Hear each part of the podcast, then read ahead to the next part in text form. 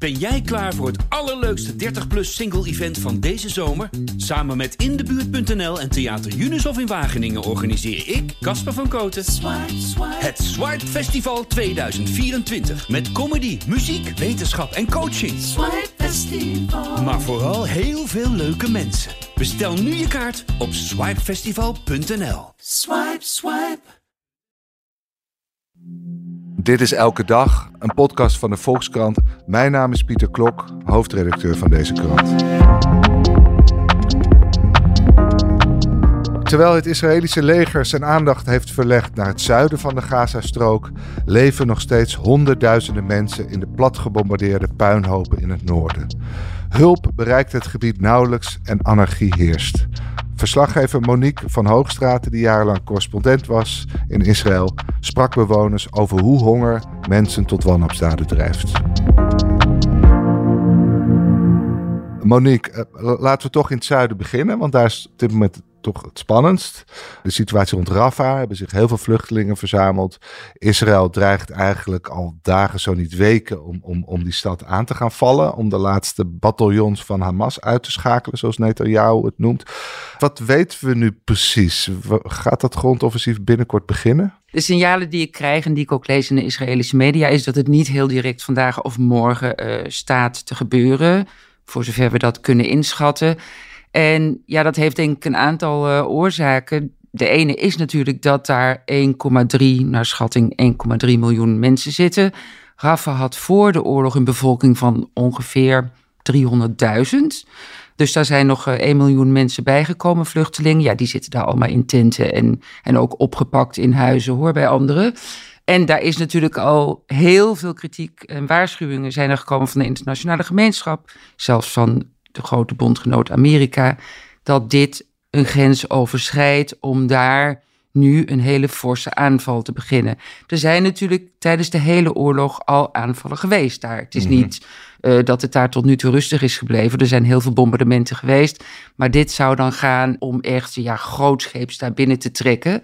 En hoe moet dat dan met al die uh, mensen die daar zitten? Uh, dus daar wordt heel erg voor gewaarschuwd. Biden ook, eh, die natuurlijk ook iets wil, ja, toch ook uh, te ver gaat misschien in zijn Israël-steun voor zijn achterban, hè, die, die ook uh, denkt aan de komende verkiezingen. maar het kan ook nog zo zijn, lees ik hier en daar, dat Netanyahu, die heeft ongeveer anderhalve week geleden ineens, kwam die met deze mededeling. We gaan daarin. Het leger gaat daarin binnenkort en gaat het daar heel groots aanpakken. Het zou ook misschien bedoeld kunnen zijn om ja, als onder, onderhandelingsmiddel om druk te zetten op want, er wordt... hoe ziet dat er nu uit? Er wordt onderhandeld, dus niet direct tussen Hamas en Israël, maar Qatar en Egypte treden volgens mij op namens Hamas. Hè, en die praten met Israël over, nou waar ze de hele tijd over praten, vrijlaten gijzelaars in ruil voor een staakt het vuur of een humanitaire pauze, of hoe je het ook noemt. Ja, en vrijlaten van Palestijnse gevangenen natuurlijk die op de, van de westelijke Jordaanoever. En trouwens, er zijn ook inmiddels heel veel Palestijnen uit Gaza de afgelopen maanden natuurlijk ook opgepakt en vervoerd naar Israël in de gevangenissen. Maar goed, dat zijn de, de hoofdpunten. En die gesprekken gaan heel moeizaam. Soms breken ze weer af en dan worden ze weer opgepakt. Maar wat ik begrijp is dat er nu in Cairo uh, gesprekken gaande zijn, waarbij inderdaad Hamas natuurlijk zit daar niet, maar Qatar en Egypte hebben korte lijntjes met Hamas, dus die vertegenwoordigen dat standpunt. Israël zit natuurlijk aan tafel en ook de Verenigde Staten.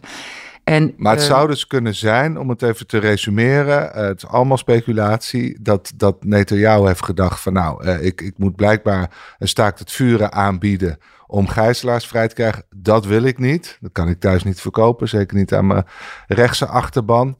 Dus ik ga nu dreigen met een aanval. En dan is mijn geste straks dat die aanval niet doorgaat. En dan hoop ik dat ik in ruil daarvoor sommige ja, toezegging van Hamas ja, kan misschien, binnenhalen. Misschien wel, want Rafah, waar we, het, waar we het dus over hebben, is het laatste bastion van Hamas. Daar zitten nog een aantal eh, bataljons volgens Israël. Dat is natuurlijk allemaal heel moeilijk in te schatten. Maar daar zitten zeker nog uh, strijders. Daar zitten misschien ook wel de leiders van Hamas. Dat weten we natuurlijk ook niet. Nee. Als ze daar zitten ondergronds. Kijk, Hamas, daar hebben we het al heel vaak over gehad, wordt niet weggevaagd. Maar de militaire capaciteit van Hamas is natuurlijk wel heel erg er is een hele grote slag toegebracht. En ja, het zou kunnen dat, uh, dat Hamas toch uh, ja, nu denkt: is dit een moment om inderdaad uh, daarover te onderhandelen, zodat we toch nog een escape hebben? Ja, dat er nog iets van ons overblijft. Dat ze ook wel voelen als, als inderdaad, als, als ze ook Rafa helemaal veroveren, dan, dan blijft er misschien wel niets van ons. maar goed, er werd vanaf het begin van, toen hij mee gedreigd werd, werd ook gezegd van nou, we gaan wel proberen om de vluchtelingen te evacueren uit het gebied. Uh, je hebt met iemand van het Rode Kruis gesproken hierover. Hoe, hoe, hoe reëel is dat? Ja, waar kunnen mensen heen? Er wordt al heel, heel snel gezegd, uh, mensen kunnen nergens meer heen. Maar dat is toch eigenlijk ook weer niet waar. Want je ziet dat mensen al aan het bewegen zijn. Uh, waar kunnen ze heen? Ze kunnen naar de kuststrook. Mm -hmm. Almawazi, dat is een, een soort, een beetje een soort duinzanderig uh, gebied aan de kust. waarvan Israël al eerder heeft gezegd, daar zitten jullie veilig. Een paar weken geleden. Daar zitten ook al heel veel mensen, maar er kunnen er altijd nog wel meer bij. En je ziet dat mensen ook weer een beetje naar het noorden trekken. Niet helemaal naar het noorden, want daar kunnen ze niet heen. Maar naar het midden van de Gazastrook. Dus allerlei plekken ja, waar ze eerder vandaan komen. Waar de strijd inmiddels grotendeels geleverd is. Waar ook wel heel veel in puin ligt. Maar ja, waar ze dan toch uh, hun tent wel weer kunnen opzetten. Ja, want dat is, dat, dat, zo leven. Ze hebben een tent en trekken gewoon rond. Of althans ja, een groot deel. Feitelijk, Sommige... feitelijk is het nu inderdaad een uh, voortdurende beweging uh, voor heel veel mensen. dat, zijn dat, al dat vijf, lijkt... zes, zeven keer verkast. Ja, maar, Ja. maar, maar hoe, hoe hou je dat vol? Want je ligt in een tent, dus je hoort die bombardementen eigenlijk... eh, ja, eh, wordt op een geen manier gedempt. Je hoort het volle geluid. Worden mensen zo onderhand niet helemaal gek? Ja, ja, ik denk dat mensen inderdaad mentaal helemaal, eh, veel mensen mentaal aan het einde zijn. Ja, ja. Gewoon back Maar af. de men, dat hoor je. Mensen zijn big af, zijn, eh, vragen zich af waarom ze nu weer, eh, weer moeten verkassen. Vragen zich af waar ze dan wel nog veilig zijn. Maar toch doen veel mensen dat. Niet iedereen natuurlijk. Maar toch gaan veel mensen dan uiteindelijk toch weer op pad. Ja, omdat je dan toch voor je leven kiest. Op het cruciale moment besluit je toch maar weer te bewegen. Ja, Ook. en, maar wat je nu nog wel ziet, omdat er uh, in Rafah op het moment die grote aanval, die aangekondigde aanval, nog niet uh, begonnen is, dat lang niet iedereen uh, al zijn spullen gepakt heeft. Er zijn heel veel mensen die nu afwachten en kijken, ja, komt er misschien inderdaad iets uit die gesprekken in Cairo? Komt er een staakt het vuren?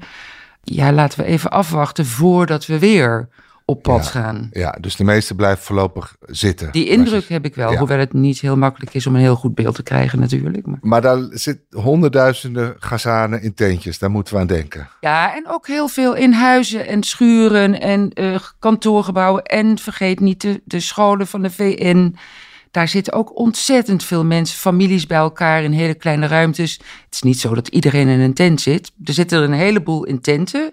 Sommige zijn tenten die eh, eh, door de UNRWA of door andere hulporganisaties eh, worden geschonken of naar binnen worden gebracht. Maar er zijn ook heel veel mensen die zelf iets hebben gebouwd van, van een paar latten en wat plastic dat ze ergens hebben gevonden. Ik zag ook alweer beelden van mensen die dat weer aan het afbreken zijn en dat allemaal weer netjes inpakken om ja, elders weer te kunnen eh, opzetten. En dan, eh, ja, wat hebben ze verder? Matrassen en dekens en jerrycans en een paar pannetjes. En klopt mijn indruk dat ze net genoeg eten en drinken krijgen? Ja, die indruk heb ik ook. Dus er wordt in het zuiden wel eh, ja, voedsel verstrekt. Er, wordt daar, er is daar overigens ook wel veel diefstal en illegale zwarte eh, verkoop op de markt. Maar wat mensen dan krijgen is veel blikjes, zie ik. Mhm. Blikjes met bonen en eh kikkererwten. En ook wel biscuitjes en droge, droge koekjes, dat soort dingen. En meel natuurlijk. En water.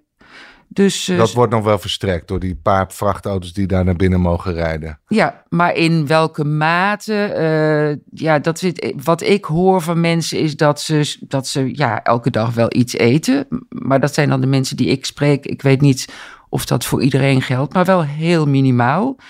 Een vriend van mij heeft net een baby gekregen. Die zit in Almawazi, in een tent daar. Ja, en die zegt dat het op zich goed gaat met die baby. Voor zover dat... Het is natuurlijk een, een wonderlijke, vreselijke toestand om, om, om daar een baby te krijgen. Uh, maar dat, het, dat hij wel veel te weinig gewicht heeft. En dat is natuurlijk ook wel logisch, want die moeder eet niet goed en eet ook alleen maar wat brood en af en toe wat bonen. En dat is natuurlijk ja, een verhaal wat heel veel mensen hebben. Het is minimaal. Ik hoor niet Uh, verhalen dat mensen de gestorven zijn door de mhm. honger. Wat niet wil zeggen, kan best gebeurd zijn, maar heb ik niet gehoord. Maar wel dat mensen heel erg verzwakt zijn. En ouderen en kinderen en baby's. Ja, want, want hoe maak jij contact met mensen? Is het... Sommige mensen rechtstreeks. Daar heb ik telefoonnummers van. Sommige mensen zitten uh, bijvoorbeeld in Rafa, waar redelijke verbindingen zijn. Sommige mensen zijn journalist of werken voor de media.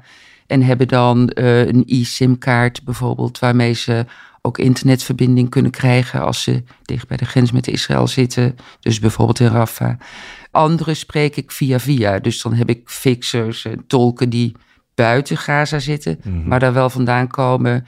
En daar heel veel mensen kennen. En ja, voor mij dan ook weer proberen contacten te leggen, interviewtjes te laten opnemen, telefoongesprekken. Ja, uh, jij hebt je ook in het noorden verdiept uh, afgelopen week. Van, nou ja, die hebben natuurlijk, uh, liggen al veel langer onder vuur. Daar is eigenlijk de, aanval van het Israëlische leger begonnen. Ja, hoe ziet het leven daar eruit? De bombardementen zijn in intensiteit afgenomen, neem ik aan. Dus het Israëlische leger doet meer gerichte acties om nog achtergebleven Hamas-cellen uit te schakelen. Ja. Ja, dat noorden, daar, daar wilde ik heel graag uh, een verhaal over maken omdat het eigenlijk een vergeten gebied is. Uh, sinds het leger zuidwaarts is getrokken, sinds heel veel vluchtelingen zuidwaarts zitten, gaat natuurlijk alle aandacht daar naar uit. En de verbindingen met het noorden zijn heel moeilijk. En de hulporganisaties komen er eigenlijk nauwelijks in. Het Internationale Rode Kruis heeft daar niemand. De Verenigde Naties komt daar niet in. Hulpgoederen van de UNRWA maar mondjesmaat. Dus het is echt een vergeten gebied. Mhm. Ehm, en het is een gebied ook, nou ja, ik heb daar dan uh, met mensen kunnen spreken. Via via ook met mensen kunnen spreken. Met, uh, met veel moeite, maar toch. En dan doemt een beeld op van een ja, ik heb het uh, Wild Westen uh, genoemd. Kijk, er is natuurlijk al heel, een hele tijd geen civiel gezag meer.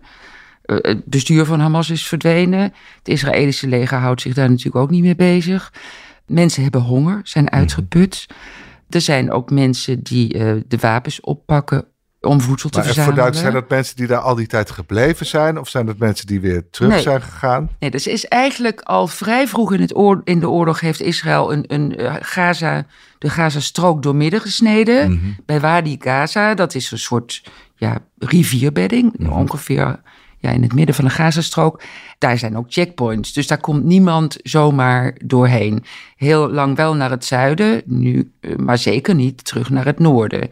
En dat is eigenlijk nog steeds zo. Dus die mensen die daar zitten, eh, naar schatting 200.000 tot 400.000, zijn daar al die maanden gebleven.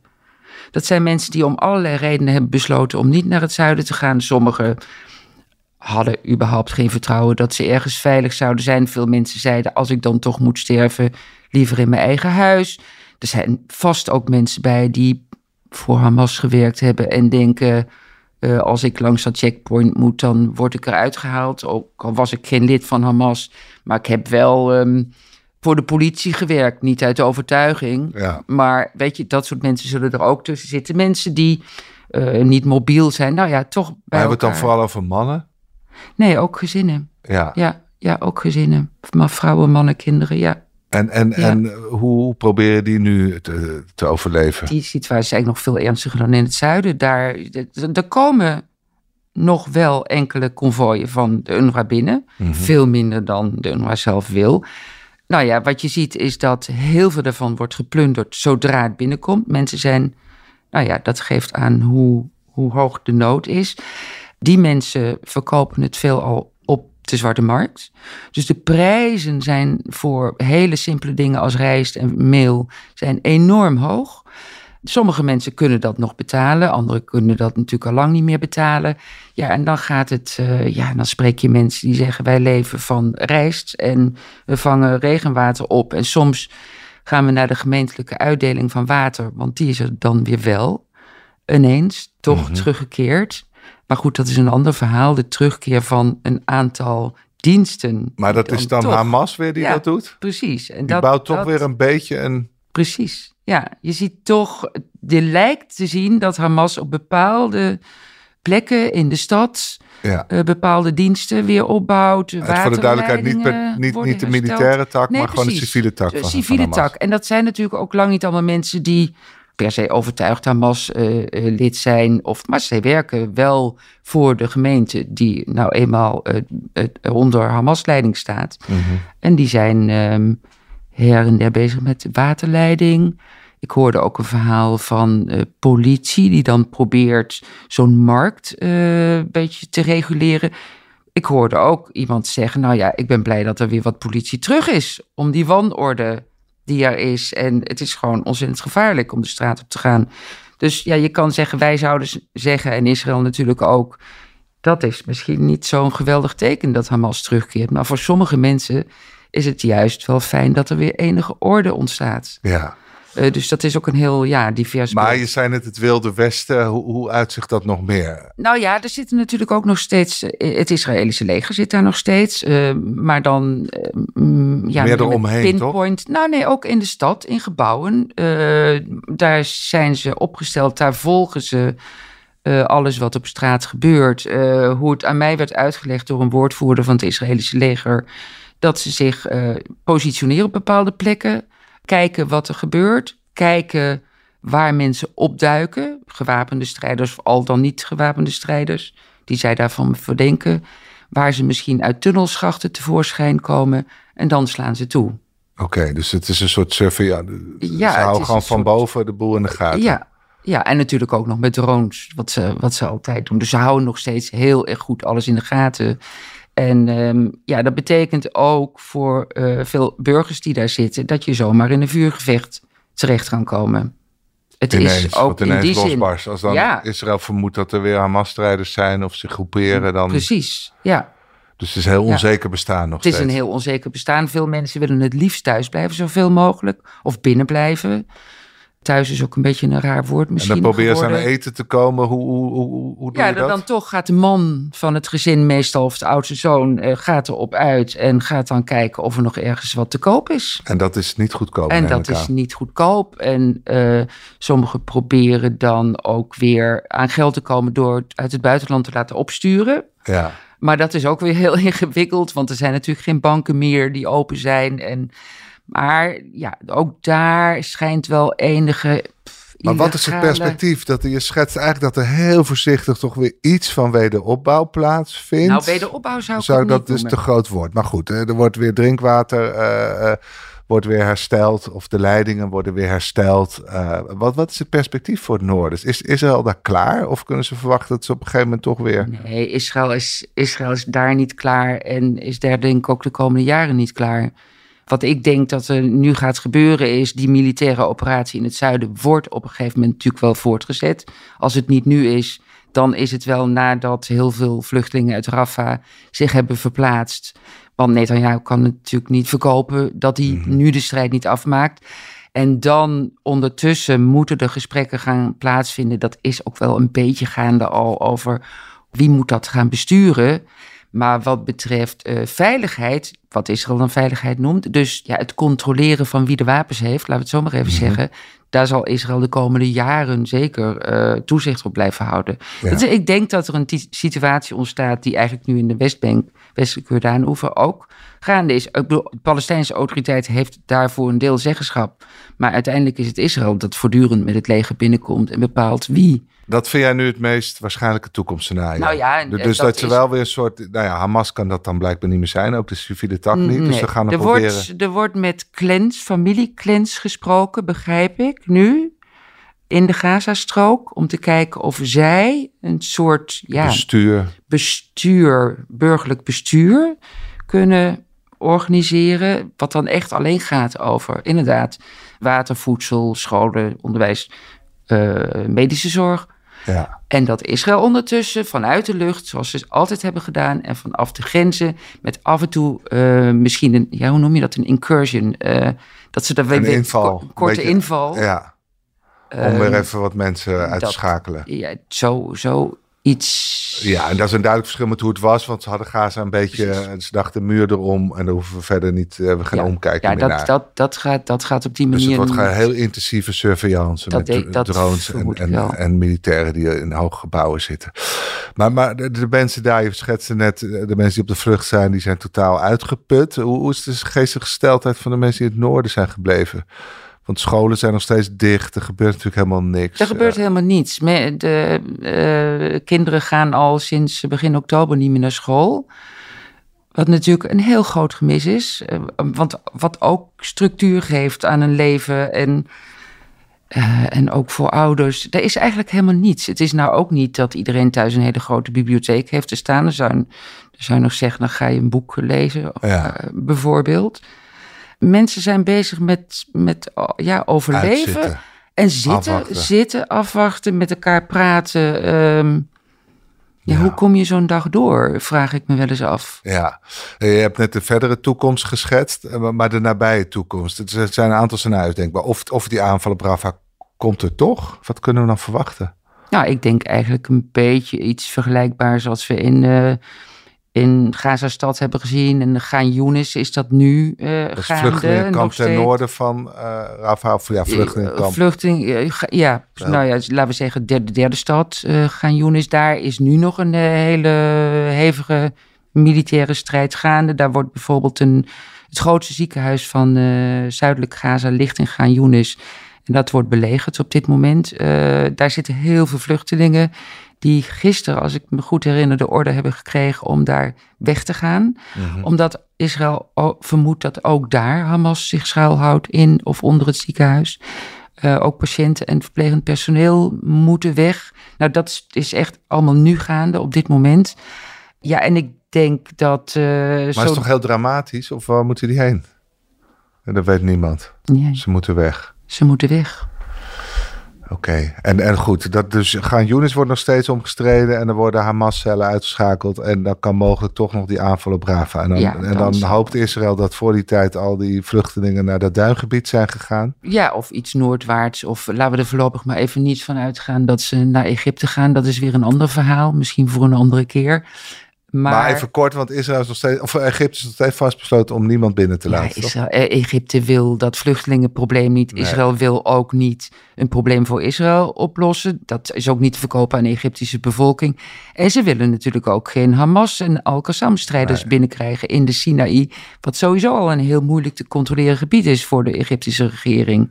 Dus ja, daar staat nou een hek, daar staat een muur. En wat Egypte betreft, en daar staan ook soldaten aan de andere kant. Mensen in Gaza, ik heb ze daar gisteren ook over gesproken in Gaffa. Zou je naar Egypte gaan? Nou, nee, ze vertrouwen niet dat ze daar uh, een. Uh, hartelijke ontvangst krijgen. Uh, Integendeel. Ja, en ook de angst dat dan Gaza misschien dat ze Gaza definitief opgeven. Ja, maar ik denk uiteindelijk als het gaat om je leven te redden of te rennen voor je leven, dat het belangrijker is om in leven te blijven dan dan ergens te blijven om ideologische redenen. Ja. er wordt vaak gezegd van uh, hè, mensen willen geen tweede Nakba, uh, dus ze willen niet nogmaals verdreven worden, zoals in, in eind jaren 40. Maar als je leven op het spel staat. Als je leven op het spel staat, de mensen die ik erover spreek, zeggen dan toch, dan kies ik voor mijn leven. Ja, en nu nog even speculeren. Heb je, kan het ook zo zijn dat Israël toch de hoop heeft dat de maximale druk op die zuidgrens door die aanval op Rafah, zodat Egypte eventueel met hulp van de internationale gemeenschap geen keuze heeft en dat ze Gaza uiteindelijk gewoon ja, leegvegen, min of meer? Er zijn uh, uh, mensen die dat denken. Er zijn analisten die dat denken. Er zijn uh, politici die dat denken. Ik weet het niet. Nee. Het enige wat ik weet is dat in, in de extreemrechtse kant van de Israëlische regering en samenleving zullen er ongetwijfeld mensen zijn die dat mm en die staan maar al klaar te om te koloniseren. Willen. En die, daar zijn er zeker die terug willen om uh, dat opnieuw te koloniseren die denken dat dat de enige manier is om, uh, om, om Gaza veilig te maken. Mm Maar ook dat is natuurlijk niet een meerderheid. Maar wat bijvoorbeeld premier Netanyahu wil, daar heb ik geen idee van. Nee, die is toch vrij ondergrondelijk. Goed, nou, uh, blijf het voor ons in de gaten houden. Dank voor je heldere uitleg en je aangrijpende verhaal. En u luisteraar, dank voor het luisteren. De Volkskrant Elke Dag wordt gemaakt door Lotte Grimbergen, Rinky Bartels, Julia van Alem, Corinne van Duin, Jasper Veenstra en Nathalie Denis. En wilt u de Volkskrant steunen? Neem dan een abonnement. Dat kan nu voordelig via volkskrant.nl slash podcastactie. Want deze podcast is gratis, maar onze journalistiek is dat niet. Morgen zijn we er weer. Tot dan. Ben jij klaar voor het allerleukste 30-plus single-event van deze zomer? Samen met Indebuurt.nl en Theater Junushof in Wageningen organiseer ik, Casper van Koten, het Swipe Festival 2024. Met comedy, muziek, wetenschap en coaching. Swipe Festival. Maar vooral heel veel leuke mensen. Bestel nu je kaart op swipefestival.nl. Swipe, swipe.